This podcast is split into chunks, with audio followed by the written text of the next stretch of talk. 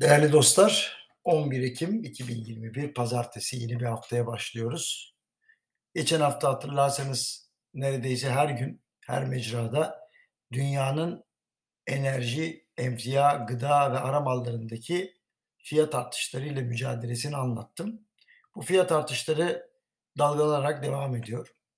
Şöyle diyeyim, ayrıntılı bir analiz yaptım. Bugün Parakule'de de paylaştım onu.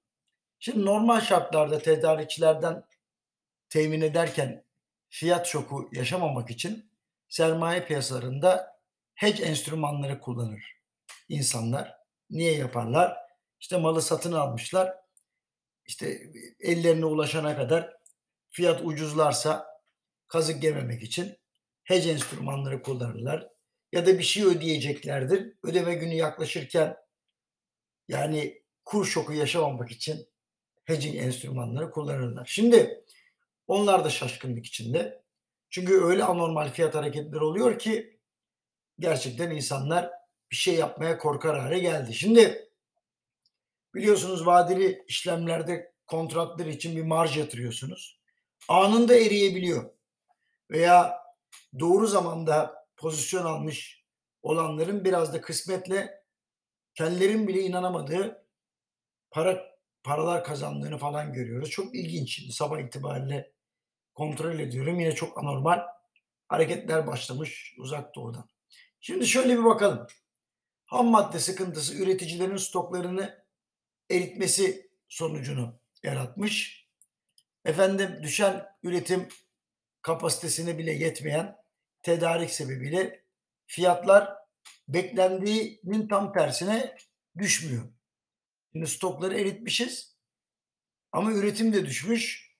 Ama tedarik yetmiyor. O düşük üretime bile yetmiyor. Şimdi bu durum vadeli kontratların fiyatlarını da hızlı yükseltmeye başladı. Yani bugünün değil, yarının fiyatları da şimdiden yükseliyor. Şimdi uzun vadeli kontratlar sebebiyle fiyatı bağlamış olanlar da normalde spot alımlarla maliyeti düşürmek isterler ama bunun da imkanı kalmadı. Yani bu yılın başından beri altın ve gümüş haricinde fiyatı düşen neredeyse hiçbir önemli emtia yok. Hadi sayayım.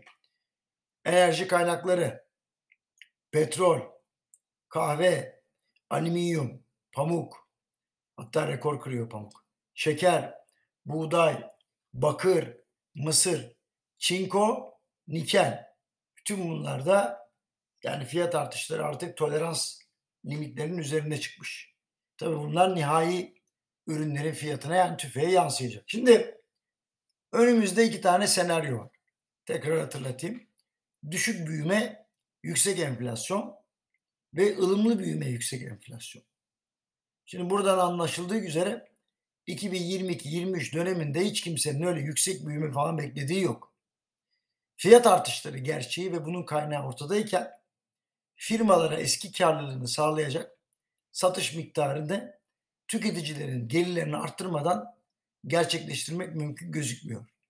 Bu durumda karşımızda iki tane seçenek var. Bir, devletin fertlerin gelirlerini arttıracak atılımlar içinde olması. İki, devletin dolaylı vergilerden ve diğer vergilerden feragat etmesi. Aslına bakılırsa her ikisi de eşanlı olarak icra edilebilir elbette. Ancak burada bir hatanın yapılmaması gerekiyor. Devletin istihdam ve üretim faaliyetlerini doğrudan üzerine alması gelecek dönemler için net vergi gelirinin ve katma değerin azalmasına sebep olabilir. Ayrıca bütçe açıkları tolerans sınırlarının üzerine çıkarak ülkeyi borç salmalına sokabilir. Dolayısıyla tamamıyla özel sektör ve bireyler üzerinden bir gelir arttırma politikası uygulanırken kamu harcamalarında radikal kısıntılara giderek vergi oranlarını sert şekilde düşürmek gerekiyor.